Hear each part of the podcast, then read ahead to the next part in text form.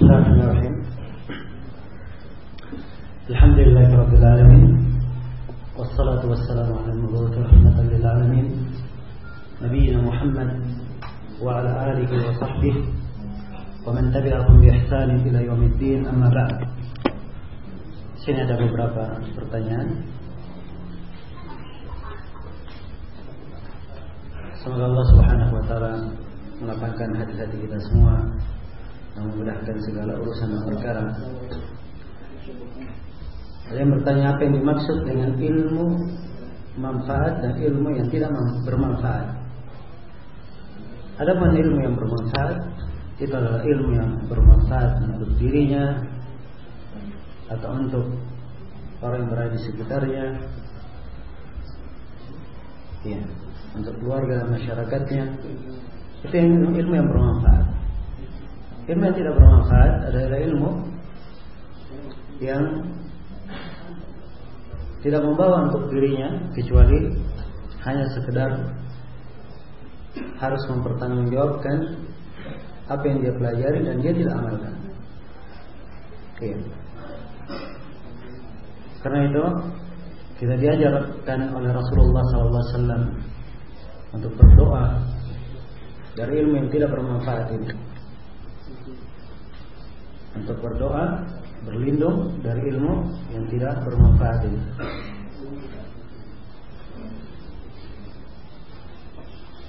Beliau minta doa yang diajarkan. Allahumma inna na'udzubika min ilmin la yanfa. Ya Allah sungguhnya kami berlindung kepadamu dari ilmu yang tidak bermanfaat. Wa qalbin la yakhsha. Dan dari hati yang tidak khusyuk wa nafsin la tashba. Dan dari jiwa yang tidak pernah kenyang. Wa min du'ain la dan dari doa yang tidak dikabulkan. Ya. dan di antara hal yang menunjukkan manfaat ilmu ilmu tersebut diamalkan. Ilmu tersebut diamalkan. Kemudian ia menjadi cahaya bagi orang lain dengan ilmu itu. Karena itu Nabi Isa alaihi salam disebut dengan berkah. Allah firman jelaskan ucapan Nabi Isa wa ja'alani mubarakan aina ma kuntu. Dan saya dijadikan berberkah di mana pun saya berada. Kata sejumlah para ulama dengan ilmu yang diajarkan kepadanya. Ia berberkah di mana pun dia berada. Nah, orang yang mempunyai ilmu tapi tidak membawa manfaat baginya, ini hal yang sangat dicela. Sebab dia disesatkan di atas ilmu. Disesatkan di atas ilmu. Dan termasuk orang yang sangat keras siksaannya sebagaimana diterangkan dalam sejumlah hadis adalah orang yang alim dia memerintah dengan sesuatu dan dia tidak mengamalkannya. Karena itu dalam salah satu manzumah fikih Syafi'iyah Matan Az-Zabat namanya disebutkan sebuah bait syair yang dikenal di kalangan para ulama fa'alimun la ya'malan bi ilmihi mu'adzabun qabla ubadil watan seorang alim yang ilmunya dia tidak beramal dengan ilmunya maka dia disiksa sebelum penyembah berhala. Iya. Karena itu karena setiap orang bertakwa kepada Allah dan memohon agar supaya ilmu yang diberikan kepadanya adalah ilmu yang bermanfaat. Dan di sini ada kadang was-was dari syaitan dibisikkan kepada sebagian orang. Tidak ingin mempelajari ilmu karena khawatir katanya kalau dia mempelajari ilmu itu dia tidak bisa mengamalkannya. Iya. Seseorang yang mengetahui ilmu, kemudian dia tidak mampu mengamalkannya, Allah tidak menyiksa seseorang atas ketidakmampuan. La yukallifullahu nafsan illa usaha. Allah tidak menyiksa seseorang atau Allah tidak membebankan membebani seseorang kecuali sesuai dengan kemampuannya. Fattaqullaha mastata'tum bertakwa kepada Allah sesuai dengan kemampuan kalian. Hal yang seorang tidak mampu, dia tidak dituntut terhadap apa yang dia tidak mampu. Tapi yang menjadi masalah dia mampu melakukannya, tapi tidak mengamalkannya. Kalau ilmu tersebut berkaitan dengan kewajiban, maka ini ya kena siksaan. Kalau berkaitan dengan hal yang sunnah, maka tentunya hal yang sunnah itu adalah hal yang dianjurkan, hal yang dianjurkan. Nah, bukan kewajiban. Apabila orang tua lebih riba atau lebih bangga bila anaknya memiliki materi daripada ilmu, lantas ketika anak tersebut lebih memilih untuk menuntut ilmu mondok dengan konsekuensi orang tua tidak begitu riba, apakah dia akan tetap mendapat barokah dari ilmu tersebut? Nah, pertama harus diluruskan persepsi bahwa orang yang mempelajari ilmu itu dia akan mengalami kemunduran atau dia akan meninggalkan dunia Ya, bukan bukan itu arti orang yang mempelajari ilmu. Bukan artinya dia mempelajari ilmu, dia sama sekali tidak boleh mencari dari kehidupan dunianya. Ini orang yang berilmu salah kalau dia bermohon seperti itu. Kalau ilmunya benar, dia akan mengamalkan ayat Al-Quran. وَبَتَغِ فِيمَا آتَاكَ اللَّهُ آتَاكَ اللَّهُ الدَّارَ الْآخِرَةِ وَلَا تَنْسَ نَصِيبَكَ مِنَ الدُّنْيَا Carilah apa yang Allah datangkan kepadamu dari kehidupan akhirat dan jangan lupa bagianmu dari apa? Dari dunia. Rasulullah SAW juga berdagang. Para sahabat berdagang. Ada melakukan muamalah. Ada melakukan muamalah. Ada melakukan transaksi. Dan itu wajar dalam kehidupan. Ya. Justru ilmu agama yang dia pelajari itu akan bisa memberikan motivasi kepadanya untuk beramal, mencari sesuatu yang halal, sesuatu yang mendatangkan berkah, Sebab di dalam konsekuensi ilmu agama diajarkan amalan-amalan saleh dan amalan-amalan saleh itu adalah kunci-kunci pembuka rezeki. Dan ini tidak didapatkan oleh orang yang tidak mempunyai ilmu dan tidak mengetahui ilmu agama. Iya. Dan di dalam ilmu-ilmu agama itu terdapat mana-mana yang akan memotivasi seseorang untuk berkembang dan maju Bukankah Nabi Shallallahu Alaihi Wasallam beliau bersabda, "Antum a'lamu bi umuri dunyakum." Kalian yang lebih paham terhadap tentang perkara dunia kalian. Ya. Ini kan motivasi dari Nabi Shallallahu Alaihi Wasallam bahwa boleh seorang itu berkembang dalam perkara dunia sepanjang tidak melalaikannya dari syariat, tidak melalaikannya dari kewajiban, dan sepanjang itu bukan perkara yang diharamkan. Jelas ya? Ini poin yang pertama. Poin yang kedua untuk jawaban sebenarnya Apabila ia dilarang oleh orang tuanya mempelajari ilmu, kemudian dia tetap belajar, maka dilihat ilmu yang dia pelajari. Kalau ilmu tersebut adalah ilmu yang wajib dia pelajari, maka dia tidak boleh taat kepada orang tuanya. Ya, tidak boleh taat kepada orang tuanya. Sebab kalau dia taat kepada orang tuanya dalam hal tersebut, itu namanya dia mencelakakan orang tuanya. Ya, orang tua berkewajiban mendidik anaknya, memahamkannya perkara agama.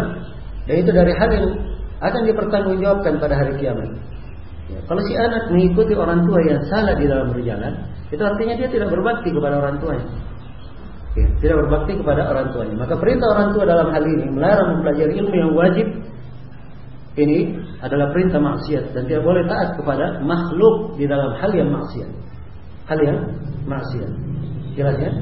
Kecuali kalau misalnya ilmu yang dia belajar ilmu yang berkaitan dengan hal yang disunnahkan kemudian orang tua ada kemaslahatan yang lain yang diperlukan maka dari tuntunan ilmu agama berbuat bak, ber, berbakti kepada kedua orang tua dan berbuat baik kepadanya. Mungkin dengan jalur tersebut Allah akan membukakan untuknya jalan-jalan ilmu jalan-jalan kebaikan yang dia tidak sangka. Ya Allah Subhanahu wa taala berfirman wa may yattaqillaha yaj'al lahu makhraja wa yarzuquhu min haitsu la yahtasib. Siapa yang bertakwa kepada Allah, Allah akan adakan untuknya jalan keluar dan dia akan diberi rezeki dari arah yang tidak pernah dia sangka. Dan Rasulullah SAW bersabda, "Man taraka syai'an lillahi abadalahu Allahu khairan min." Siapa yang meninggalkan sesuatu karena Allah, Allah akan ganti dia dengan sesuatu yang lebih baik darinya. Nah, Bagaimana dengan adanya polemik waktu sholat subuh di negara kita yang katanya terlalu cepat 20 menit? Mohon pencerahannya dan hukum memakai jadwal waktu sholat sekarang ini. Sekarang polemik ini siapa yang mengembangkan? Sehingga harus dikatakan polemik. Itu hanya isu-isu dari sebagian orang saja. Isu-isu dari sebagian orang. Ya. Dan saya baca tulisan orang-orang yang memunculkan hal yang seperti ini. tidak menampakkan dalil bahwa dia melihat secara benar. Dan itu terjadi. Ada sebagian orang ditulis dalam sebuah majalah, bukan dari negeri ini, ya, dari Timur Tengah sana, datang berkunjung kata nggak cocok jadwal sholat kita. Ya. Hanya datang beberapa hari di sini kemudian memberikan kesimpulan dia cocok jadwal sholat kita. Ya. Dan di Saudi sendiri tempat dia tinggal itu dikembangkan hal-hal yang seperti itu. Dikatakan bahwa jadwal sholat yang dipasang oleh pemerintah itu tidak benar. Ya. Dan akhirnya ini menyebutkan para ulama sehingga Syekh bin Bas memberikan warning terhadap orang-orang yang seperti itu. Syekh Ibn Utsaimin juga dalam khutbahnya. Syekh Shalal Fauzan. Ya. Ini membuat kacauan, kekacauan di tengah manusia. Kalau dia punya bukti jelas, dia punya bukti jelas, ha? silahkan dia beramal dengan apa ya dia yakin tapi kalau dia berada di tengah kota di waktu subuh dia lihat oh ini masih gelap oh belum masuk waktu dari mana dia tahu belum masuk waktu di tengah kota ya. ini namanya berbicara tanpa ilmu berbicara tanpa ilmu ini pembahasan yang pertama yang kedua ya saya sendiri mencoba di sebagian waktu sholat saya cocokkan ya, khususnya ketika matahari terbenam misalnya ya, untuk kota Makassar saya nggak pernah mendapatkan perbedaan, ya. Seperti apa yang disebutkan. Kemudian orang-orang yang bekerja memang untuk menentukan hal tersebut, mereka katakan jadwal itu tidak diturunkan kecuali setelah diuji coba. Setelah diuji coba. Ya. Maka ini asalnya bahwa apa yang mereka lakukan bisa dijadikan sebagai dasar, ya, dijadikan sebagai ukuran, dijadikan sebagai dasar bertolak, sebagai ukuran. Ya. Nah, kalau seorang tidak punya pengetahuan jangan berbicara tanpa ilmu. Ini yang kedua. Kemudian yang ketiga, Syekhul Syekh Ahmad An-Najmi rahimahullah taala pernah bercerita bahwa beliau pernah naik pernah masuk ke sebuah desa dan beliau naik ke tempat tinggi dan melihat waktu sholat saya lupa waktu itu lebih cepat atau lebih lebih lambat dari apa yang beliau lihat dari munculnya fajar subuh. Nah itu beliau sampaikan kepada Syekh bin Bas rahimahullah. Apa kata Syekh bin Bas? Ya, mereka orang-orang yang menghitung hisab itu lebih tahu daripada kita. Lebih tahu daripada kita. Jelas ya? Maka bukan artinya jadwal hisab itu adalah sebuah jadwal tidak ada salahnya. Dikatakan maksum tidak. Ya, silahkan kalau yang mengerti dengan hal yang jelas, yang terang, jangan asal menyangkaan saja. Dan harus kita ada sebagian orang memang senang memunculkan masalah-masalah ya bukan untuk masalah ilmiah. Ya. Ada maksud-maksud tertentu yang dianut oleh sebagian orang. Dan ini terjadi berulang kali. Terjadi berulang kali. Karena itu ikhwan fillah, ya sepanjang hal tersebut adalah hal yang berjalan di tengah manusia dan hal yang apa namanya itu tidak punya dalil bahwa itu adalah hal yang salah, ya tidak ada masalah dijalankan. Tidak ada masalah dijalankan.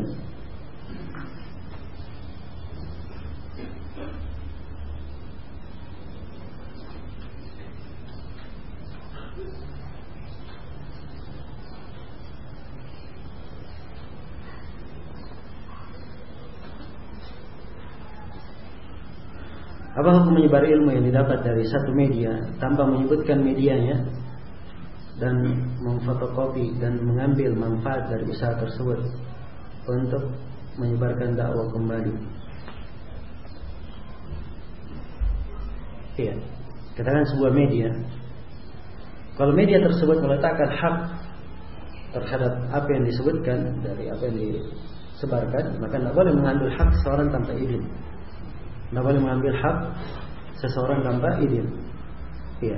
Kalau memang diizinkan atau dari media tersebut di, digratiskan atau terkesan boleh untuk menyebarkan, dia menyebarkan, kemudian dia komersialkan, nah maka insya Allah tidak ada masalah.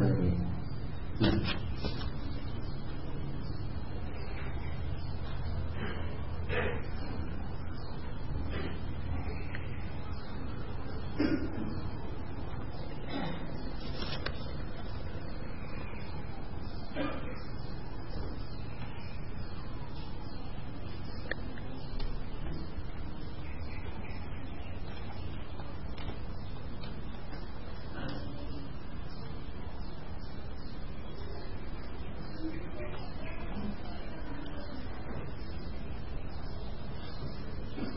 Apa nasihat antum bagi ikhwah yang menyekolahkan anaknya di sekolah umum berijazah formal dan buka ma'had tahqiq salahi?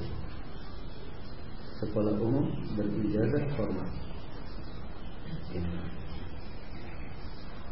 Perkembangan ikhwah tersebut, perkembangan ikhwah tersebut karena adanya kekhawatiran bahwa kelak anaknya tidak mendapat pengakuan dari pemerintah masyarakat serta dunia kerja dan tidak berijazah pendidikan formal. Ya. Yang pertama apa? Berijazah itu mengambil ijazah dari sekolah. Itu bukan hal yang terlarang. Bukan hal yang terlarang, bukan pula hal yang tercela. Ya. Adanya ijazah untuk sekarang ini itu adalah tanda seseorang telah menyelesaikan pendidikan dan itu guna melanjutkan ke pendidikan yang lain. Dan itu dia perlukan. Ya tidak ada masalah masuk dalam perkara yang diperbolehkan. Masuk ke dalam perkara yang diperbolehkan. Ya. Seorang uh, syekh di Riyadh menyampaikan apa ucapan Syekh Abdul Razak Afifi rahimahullah taala. Syekh Abdul Razak Afifi ini ya, saya semuanya mengenal beliau. Beliau dulu wakilnya Syekh bin Baz rahimahullah dan kebanyakan ulama atau mungkin saya katakan hampir semua ulama besar yang duduk di Lajnah Daimah saat ini itu termasuk murid-murid beliau. Ya. Syekh Abdul Razak Atibi berkata tentang ijazah, kata beliau ijazah itu ka'asa Musa, seperti tongkatnya Nabi Musa. Tahu tongkatnya Nabi Musa? Ya. Itu di dalam ayat di surah Taha. Wa ma tilka biyaminika ya Musa? Allah bertanya, berfirman kepada Nabi Musa, apa yang di tangan kananmu itu wahai Nabi Musa? Maka Nabi Musa menjawab, hiya ataya atawakkau 'alaiha wa akhushu biha ghanami wa fiha ma'arib ukhra. Nabi Musa menjawab itu adalah tongkatku. Saya pakai apa? Bersandar di atasnya dan saya menggiring kambing-kambingku dengan tongkat ini dan saya punya keperluan lain dari tongkat tersebut. Dari tongkat tersebut. Ya maksudnya hal tersebut ya kadang dipakai dalam hal-hal yang bermanfaat seorang memerlukannya. Jelas ya? Ini titik yang pertama. Kemudian titik yang kedua berkaitan dengan masalah pendidikan anak. Ya. Tentunya dimaklumi tanggung jawab seorang orang tua untuk mendidik anaknya pada hal yang bermanfaat untuk anak tersebut pada hal yang bermanfaat untuk anak tersebut. Dan ingat ya bahwa manfaat untuk anak itu tidak dibatasi dalam apa? Di dalam pendidikan agama saja. Anak itu boleh dididik dengan pendidikan-pendidikan umum yang dia bisa hidup dengannya. Ya, dan mengetahui kehidupan yang baik dengannya dan agama memberikan standar untuk ia hidup dengan hidup yang baik. Dia perlu tahu bagaimana cara berhisab, menghitung, ya, perlu tahu cara menghitung dan dia perlu tahu bagaimana uh, apa cara ia melakukan uh, muamalah, cara ber, melakukan perdagangan, bertransaksi, ya. Dan banyak lagi dari perkara-perkara dunia yang diperlukan oleh seorang dalam kehidupannya. Maka tidak boleh ditutup terhadap manusia. Tidak boleh ditutup terhadap manusia. Apa yang Allah Subhanahu Wa Taala halalkan untuknya. Jelas ya. Kalau misalnya ada yang menginginkan anaknya khusus di tahfidz saya, maka itu adalah hal yang baik disyukuri untuknya. Tapi bagi orang lain, ya tidak boleh memaksakan apa yang dihalalkan oleh Allah Subhanahu Wa Taala untuknya. Jelas sampai sini? Ini yang kedua. Kemudian yang ketiga dan dimaklumi bahwa pendidikan ya, umum maupun agama pendidikan itu adalah hal yang diperbolehkan sepanjang tidak ada pelanggaran syariat di dalamnya. Sepanjang tidak ada pelanggaran syariat di dalamnya. Jelas ya? Nah, wallahu taala.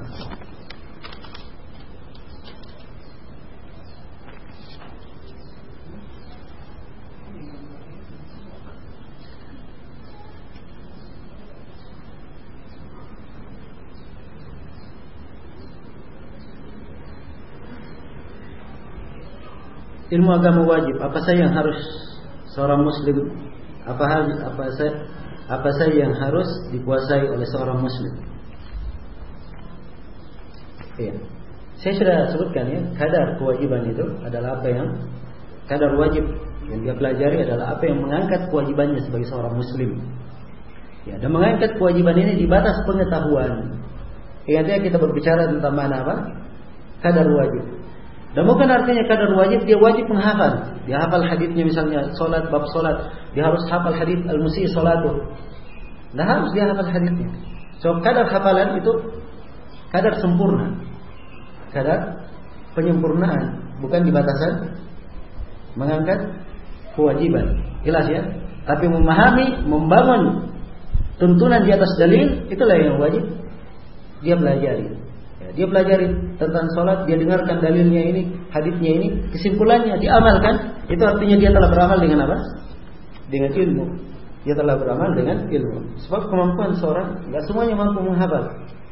Nggak semuanya mampu menghafal. Walaupun kalau dia menghafal tentunya dan menguasainya, itu akan lebih afdal dan lebih utama dan kedudukannya lebih tinggi di sisi Allah Subhanahu wa taala.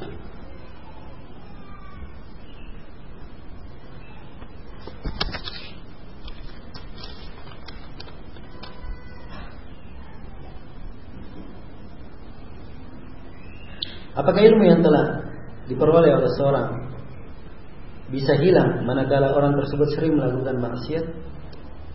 Iya, jawabannya iya. Jawabannya iya. Iya. Dalilnya adalah firman Allah Subhanahu wa taala di surah Al-Maidah, "Fabima naqadhihim mitsaqahum." Iya. Fabima naqadhihim mitsaqahum. Kemudian disebut beberapa kesalahan orang-orang Yahudi karena mereka melanggar perjanjian, karena mereka ini mereka ini, ya. Fanasu haddan mimma dzukiru. Mereka melupakan sejumlah perkara yang mereka diingatkan dengannya. Mereka diingatkan dengannya. Adanya pelanggaran, maksiat itu akan berakibat. Akan berakibat. Nah, karena itu dari etika seorang penuntut ilmu dari Imam Mujtahid menyebutkan hal ini Jumlah para ulama menyebutkan seorang penuntut ilmu harus mengumpulkan antara dua hal. Harus mengumpulkan semangat yang tinggi dalam belajar dan harus mengumpulkan semangat untuk beribadah. Semangat untuk beribadah. Dia adalah orang yang kuat semangatnya dalam belajar tapi juga banyak ibadah yang dia lakukan. Banyak ibadah yang dia lakukan. Apabila hal yang terkontrol pada dirinya, maka ini sangat membantu ia untuk istiqamah di dalam menuntut ilmu.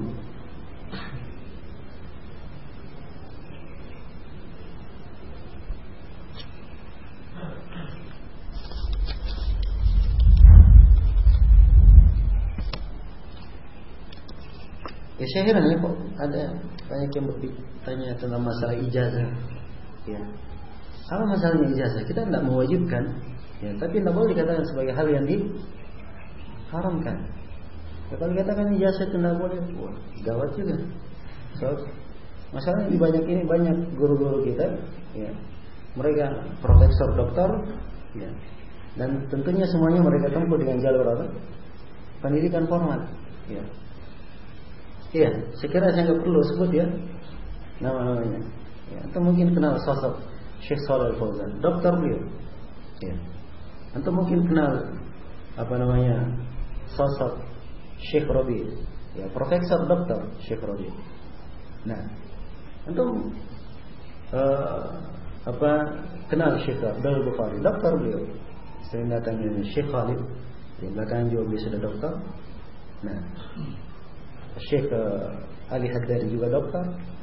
Ya. Semuanya menempuh jalan dengan jalan yang formal dalam menuntut ilmu. Yang menjadi masalah itu pendidikan. Dia belajarnya di mana? Ya. Bagaimana proses pendidikan yang dia lalui? Ada pelanggaran atau tidak di dalamnya? Itu saja yang menjadi masalah. Yang menjadi ukuran. Ya. Yang menjadi ukuran. Kalau memang dia belajar, ingin ijazah, ini yang perlu diluruskan niatnya. Perlu diluruskan niatnya. Jelas ya? Seorang itu belajar untuk mendapatkan ilmu. Kalau dia dapat ijazah itu dari perkara yang boleh. Dari perkara yang mubah.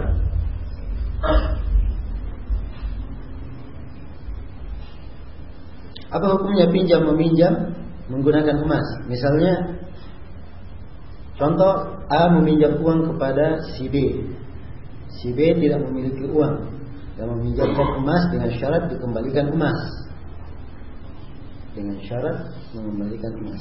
Jadi sini bukan penukaran, ini peminjaman. Kalau dia meminjam dalam masalah. Ya, dikembalikan dalam bentuk emas dengan jumlah yang sama. Ya, jumlah yang sama apa dengan dengan uh, berat yang sama dalam bentuk emas. Jelas ya? Nah, nggak boleh dia kembalikan harga emas dengan uang, itu boleh. Soal itu terhitung riba, terhitung riba. Sementara pada saat saya meminjam emas senilai 90 ribu dan saat ini emas sudah menjadi 250 ribu, yaitu apa namanya tidak masuk dalam urusan berapa harganya. Yang jelas dia meminjam emas dikembalikan dalam bentuk apa? Dalam bentuk emas. Ya, dia meminjam uang dia kembalikan dalam bentuk uang.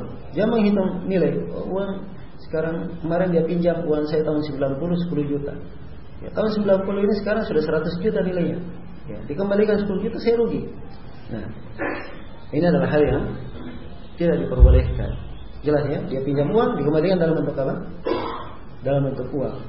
Ini dari keindahan syariat untuk menjaga jangan sampai membuka pintu riba. Ya, membuat membuka pintu riba. Ya sepanjang dia meminjamkan itu kan adalah akhlak yang baik. Ya. Dia meminjamkan, membantu saudaranya, maka hendaknya disempurnakan kebaikan yang dia lakukan. Ya, dia terima kalau dia uh, menerima atau mengambil kembali piutang tersebut, dia ambil sesuai dengan apa yang dia beri. Ya, sesuai dengan apa yang dia beri. Ya, Allahu taala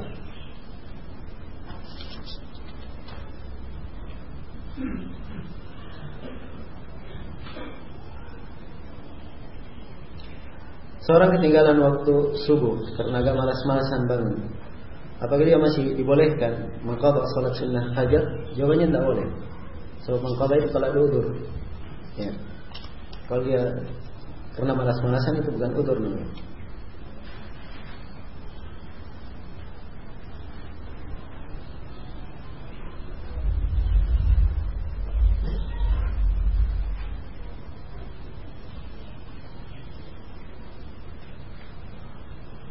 Apakah dalam mempelajari ilmu-ilmu seperti mendatangi majelis-majelis ilmu diperbolehkan untuk belajar kepada ustadz-ustadz yang ditahdir karena permasalahan?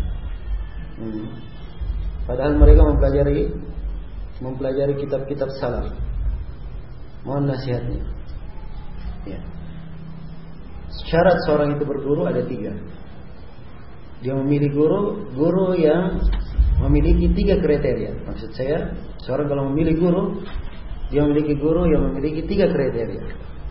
Kriteria yang pertama guru ini akidahnya adalah akidah yang selamat. Akidah yang apa? Selamat. Ya, tidak ada penyimpangan akidah pada guru tersebut. Kemudian syarat yang kedua, guru tersebut adalah orang yang lurus manhajnya. Lurus manhajnya. Kemudian yang ketiga, guru tersebut adalah guru yang memang nampak dia ingin menasihati umat. Ingin menasihati umat. Ini tiga syarat. Nampak hal ini pada seorang guru, maka itu adalah guru yang layak seseorang mengambil ilmu darinya. Jelas ya? Kalau misalnya ada seorang yang punya pelanggaran, punya ini, diketahui memiliki penyimpangan, ya. Tatkala orang yang memiliki penyimpangan ini mengajarkan buku yang dianggap baik, belum tentu dia itu baik. Ya belum tentu. Karena itu Para ulama mengingatkan ya, bahwa ahlul bidah ahlul bidah atau orang-orang ahlul ahwa apabila engkau duduk di majelis mereka, awal kali yang diperdengarkan hadis-hadis yang baik. Ya, kamu senang ya, mendengarkannya. Nah, lama kelamaan baru dia masukkan apa yang merupakan pemikirannya, apa yang merupakan pemikirannya. Wallahu taala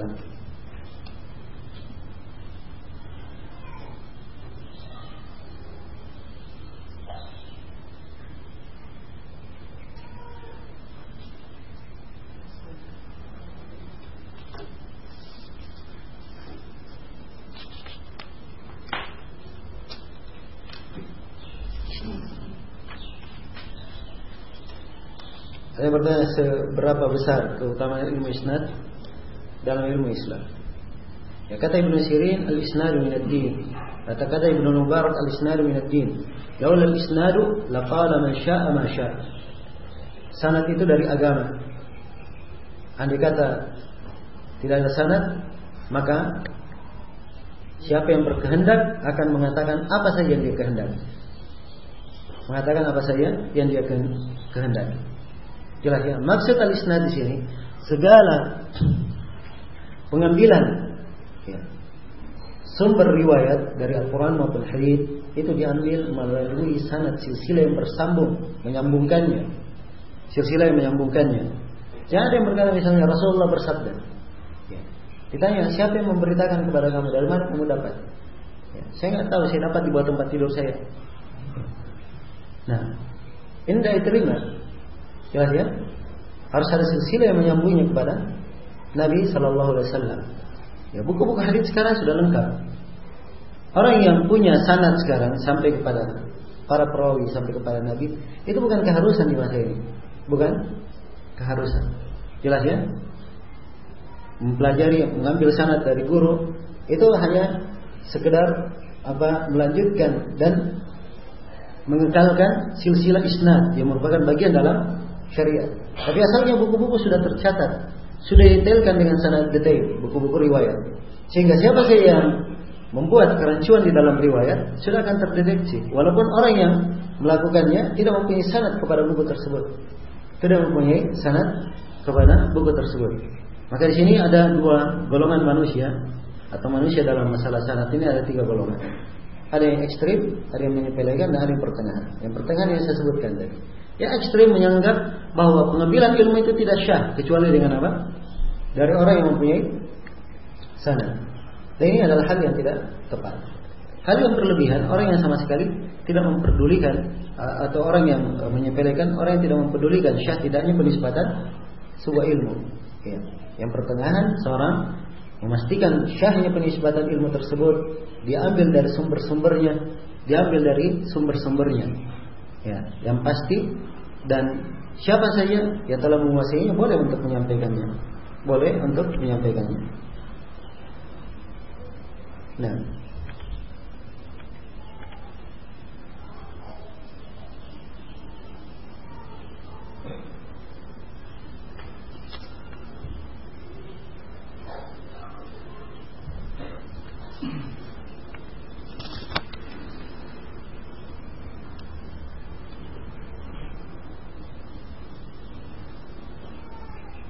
Saya tidak tahu ini buku Ta'limul Muta'allimin Muta'alim Muta'allimin Ta'limul Muta'allim Saya nggak paham Belum pernah lihat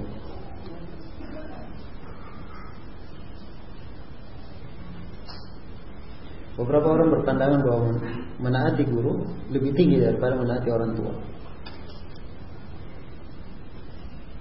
Nah, hak orang tua banyak terhadap seorang anak. Dan guru juga mempunyai hak-hak. Ya. Pada sebagian keadaan hak orang tua lebih besar daripada hak guru. Dan sebagian keadaan seorang guru mempunyai hak yang lebih besar daripada orang tua. Jelas ya? Seorang guru menyampaikan dengan ilmu, ya. Maka menghormati guru dalam ilmu yang disampaikan itu lebih besar daripada orang tua karena dia dalam hal ini masuk kepada ulama yang ditaati dalam masalah halal dan haram didengarkan. Ya. Tapi orang tua dari satu kedudukan dia mempunyai hak yang lebih tinggi daripada selainnya dari manusia.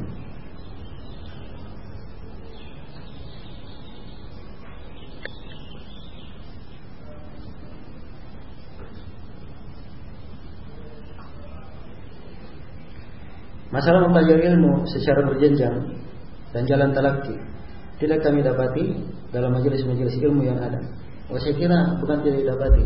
Mungkin yang bertanya belum mendapati. Kalau saya luruskan bahasanya. Insya Allah ada majelis-majelis yang dikembangkan oleh teman-teman kita baik di sini maupun tempat lainnya itu ada.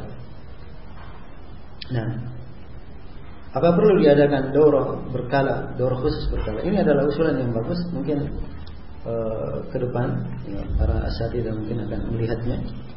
Ya dan saya beritahukan dari sekarang walaupun pengumumannya belum dikeluarkan.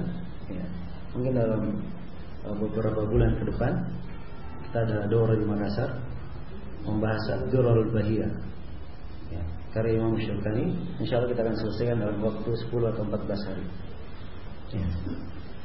nah kan lebih bagus daripada antum belajar fikih sekian sekian tahun belum tentu selesai ya. Lebih bagus siapkan waktu 10 atau 14 hari menyelesaikan satu buku. Ini fikih dari awal, bab sampai akhir. Ya. Bukan fikih ibadah saja, fikih ibadah, fikih muamalah, fikih nikah dan fikih tentang peradilan.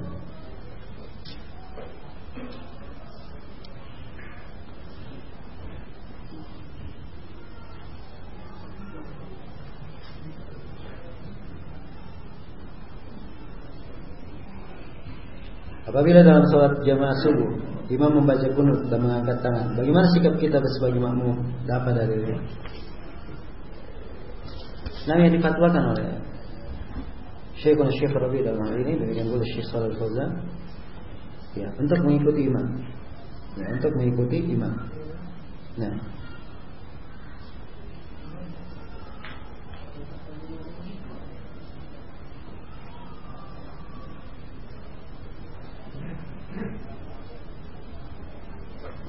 Apabila seorang menemui bulan Dzulhijjah tidak mempunyai kemampuan untuk berkurban, tapi bisa dipastikan bahwa dua bulan atau tiga bulan berikutnya dia akan mendapatkan sejumlah uang yang cukup untuk berkurban. Apakah ada kewajiban kurban baginya? Kalau kewajiban tidak ada, sebab dia di masa itu belum mampu. Ya, di masa itu dia belum apa? Belum mampu. Ini bagi siapa yang berpendapat bahwa kurban itu wajib. Ya. Dan ada silang pendapat di kalangan para ulama apakah kurban itu wajib atau tidak. Dan yang benarnya dia bukan wajib sunnah muakkad. Ya.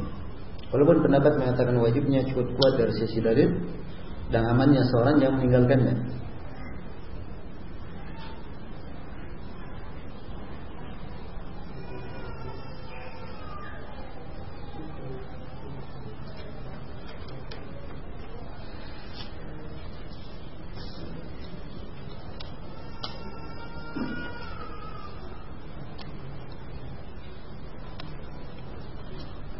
Kullu bid'atin dhalalah kullu dhalalatin finnar.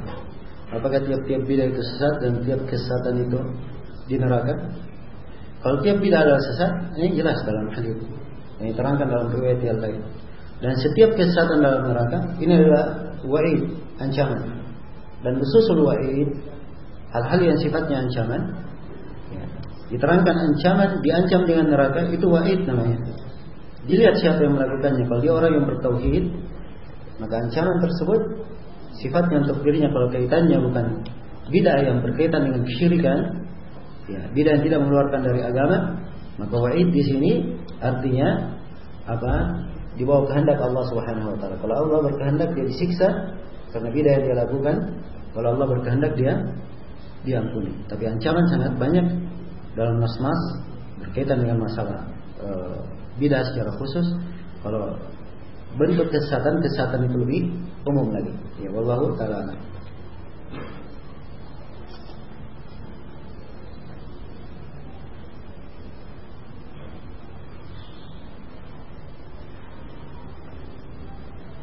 Apa kata binatang seperti tokek, cicak dan semisalnya najis? Jawabannya tidak najis.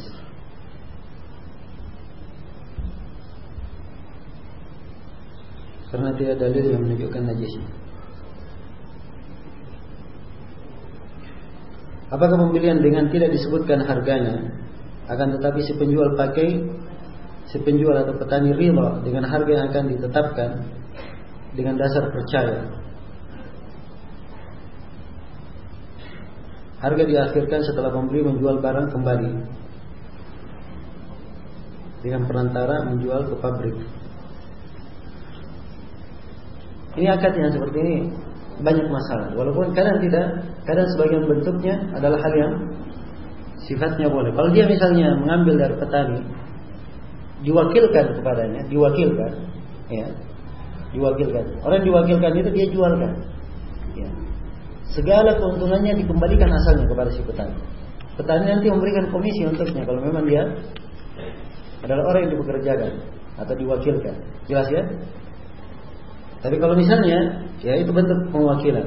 Tapi kalau seperti misalnya di sini dia masukkan ke pabrik baru dia lihat, ya, maka ini bentuk uh, apa ketidakjelasan untuk petani sangat banyak. Sebab mungkin saja di dalam penjualan tidak seperti yang diharapkan atau akan dihargai murah, ya, akan dihargai murah dan itu adalah hal yang tidak diperbolehkan. Maka yang saya nasihatkan agar supaya kalau dia menjual dia tetapkan harganya Ya dia lihat harga umumnya manusia menjual berapa, kemudian dia menjual dengan harga tersebut, ya. Dan hendaknya dari pihak-pihak pabrik juga menetapkan harga yang baik, ya, sesuai dengan uh, apa yang layak di pasaran, agar supaya segala bentuk transaksi itu menjadi jelas. Ya. Salam di akhir sholat untuk siapa? Nah, untuk siapa? Ini kadang e, pertanyaan yang seperti ini kadang pada tempatnya tidak harus ditanyakan. Ya. Nah, tidak harus ditanyakan. Misalnya saya bertanya, kalau kita tiap kali mau sholat beruduk, mencuci ini, mencuci itu, apakah kita ini najis? Pertanyaan begini bagus atau tidak? Ya. Nah, ini tidak tepat. So pasalnya ini masalah ibadah. Ibadah itu adalah perintah apa? Ta'abudi. Seorang jangan terlalu banyak mempertanyakan di, apa yang diperintah. Jelas ya? Mencari hikmahnya, hikmah dari perintah itu tidak diharuskan seorang mencari hikmah apa yang diperintah. Iya. Boleh saja dia mengetahui hikmahnya dan ada manfaatnya kalau seorang mengetahui hikmah. Tapi dia tidak diharuskan dan tidak boleh mempertanyakan hikmah apa yang dia diterangkan hikmahnya. Kalau dia adalah perintah ibadah, kita terang, kita lakukan. Dan kita yakin pasti banyak manfaat di belakangnya. Walaupun kita tidak mengetahui. Kan selesai. Berkaitan dengan masalah salam ini dia adalah perintah ibadah, perintah ibadah.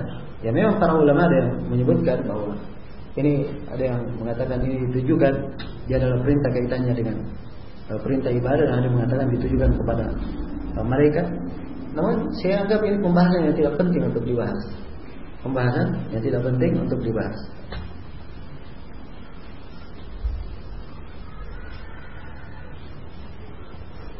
Karomah karomah itu apa itu ada? Jawabannya ya, karomah itu ada namanya. Karomah itu adalah hal yang ada. Ya. Nah, dibedakan antara tiga hal. Yang pertama mukjizat atau bayina. Ini yang dibawa oleh para nabi dan para rasul. Jelasnya hal-hal yang aneh, saya hal-hal yang aneh di luar uh, perkara yang lumrah itu tiga hal. Kalau dia datanya dari para nabi itu dihitung apa? Mukjizat. Kalau dia datangnya dari orang saleh selain dari nabi dan rasul, dihitung apa? Dihitung karamah. Kalau dia datangnya dari selain ini, datangnya dari orang yang bermaksiat, ya. Orang yang berdosa maka itu dihitung apa? Hah? Dihitung permainan syaitan. Dihitung permainan syaitan. Begitu kaidah ya. Di dalam menilai. Nah, karena itu dikatakan kepada Imam Syafi'i Alaih bin Sa'ad berkata, apabila engkau melihat ada orang yang sholat di atas air, maka jangan kamu percaya dia. Ya, sampai kamu dudukkan perkaranya di atas Al-Quran dan Sunnah. Ini ucapan Alaih bin Sa'ad. Maka kata Imam Syafi'i, kurang Alaih bin Sa'ad dalam ucapannya. Kurang. Imam Syafi'i berkata, apabila engkau melihat ada orang yang sholat di atas air, atau dia sholat di atas udara, ya, ditambah lagi oleh Syafi'i. Maka jangan kamu percaya dia sampai engkau mendudukkan perkaranya di atas Al-Quran dan As-Sunnah. Jadi kalau ada orang yang memiliki ke kelebihan, ini dalam sholat ini, dia sholat di atas saya. Dia memiliki kelebihan, jangan percaya dia, kata syariat. Sampai kau lihat, apakah dia perkaranya di atas Al-Quran dan As-Sunnah, As-Sunnah atau tidak. Ya, kalau dia berpegang di Al-Quran dan As-Sunnah, seorang alim menguatkan Al-Quran dan As-Sunnah itu karamah namanya. Jelas ya? Tapi kalau dia adalah pelaku bidah, ya. Jelas ahlul awah itu bukan karamah, tapi itu adalah permainan syaitan untuk menyesatkannya. Permainan syaitan untuk menyesatkannya. Ya. Dan manusia di masa ini pandangannya terlalu apa namanya sempit. Tiap kali ada orang yang mempunyai keanehan dianggap itu adalah apa? Ya, itu adalah wali. Ya. Nah, ini adalah hal yang salah. Ya, hal yang salah tidak dibenarkan. Nah, kemudian dari ciri karamah. Karamah itu dia tidak bisa atur. Datang begini, pergi begini, tidak. Dia itu datang dari Allah Subhanahu wa taala. Anugerah pemberian dari Allah. Ya. Nah, karena itu kalau dia punya keahlian, ya. Apa ya sifatnya seakan-akan datangnya dari diri dia sendiri, maka ini bukan karamah. Ya, itu ciri umumnya. So karamah ini bukan datangnya dari dia, datangnya dari Allah Subhanahu wa taala. Jelas ya? Ya, dan banyak bentuk karamah ya, ditetapkan dari para wali. sampai Imam Al-Lalakai rahimahullah taala mengkhususkan satu bab yang sangat panjang di dalam Syarah Usul I'tiqad Ahli Sunnah wal Jamaah. Ya, dan ternyata hal tersebut beliau khususkan dalam sebuah buku khusus. Ya, cukup tebal. Beliau terangkan tentang karamah-karamah yang pernah terjadi pada sejumlah orang-orang yang salih. Sejumlah orang-orang yang salih. Maka itu ditetapkan adanya dan seorang tidak berlebihan. Orang yang punya karamah bukan artinya dia bersih dari kesalahan. Ya. Bukan artinya dia maksud. Bukan dia artinya dia masuk. Orang yang dapat karamah, ya itu belum tentu orang yang tidak dapat karamah ya kurang daripada orang yang dapat, belum tentu. Nah, Abu Bakar radhiyallahu taala tidak pernah di ya, nukil dalam riwayat beliau ada karamah yang disebut. Ya, apakah dia lebih afdal dari Abu Bakar dari umat ini? Jawabnya Abu, Abu Bakar lebih afdal. Ya, Abu Bakar lebih afdal radhiyallahu taala. Jelas ya? Ya sebab karamah itu kadang Allah berikan kepada seorang hamba untuk membantunya pada keadaannya atau pada posisinya. Iya, jelas ya? Pertolongan Allah Subhanahu wa taala kepadanya. Ya, wallahu taala.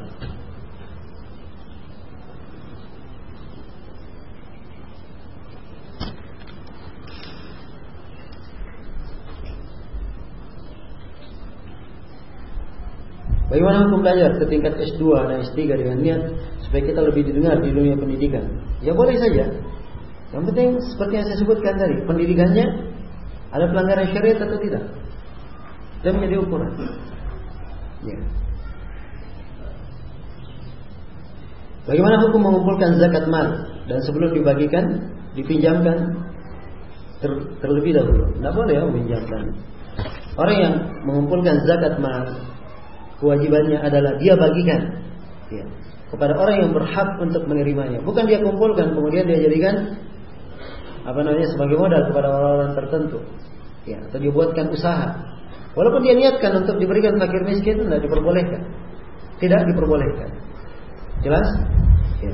Harus dia serahkan kepada delapan asnaf yang disebutkan di dalam surah At-Taubah.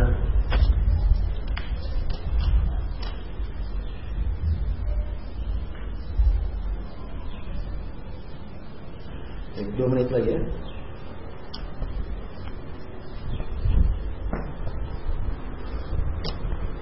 Terkadang tuntutan profesi mengharuskan mencukur jenggot. Tapi seorang itu adalah salafi. Ya.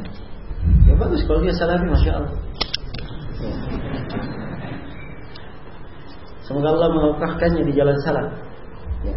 Tapi dia ini saya agar supaya apa meninggalkan dosa yang dia lakukan. Mencukur jenggot itu adalah perbuatan dosa.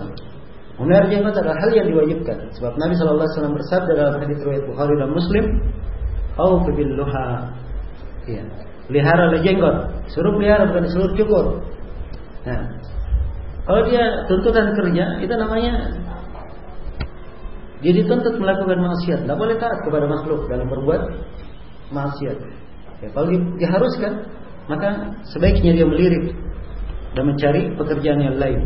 Ya, dan Allah Subhanahu wa taala akan memudahkan siapa yang bertakwa kepadanya. Orang yang bertakwa kepada Allah tidak akan ditelantarkan. Dan saya telah sebutkan tadi hadis dari Rasulullah sallallahu alaihi wasallam, "Man taraka syai'an lillahi abadalahu khairan minhu." Siapa yang meninggalkan sesuatu karena Allah, Allah akan ganti dia sesuatu yang lebih baik dari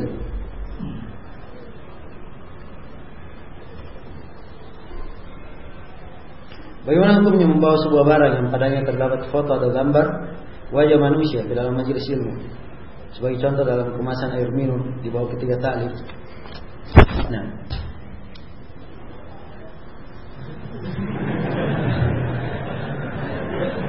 Ya. Baik, itu sebaiknya ditinggalkan.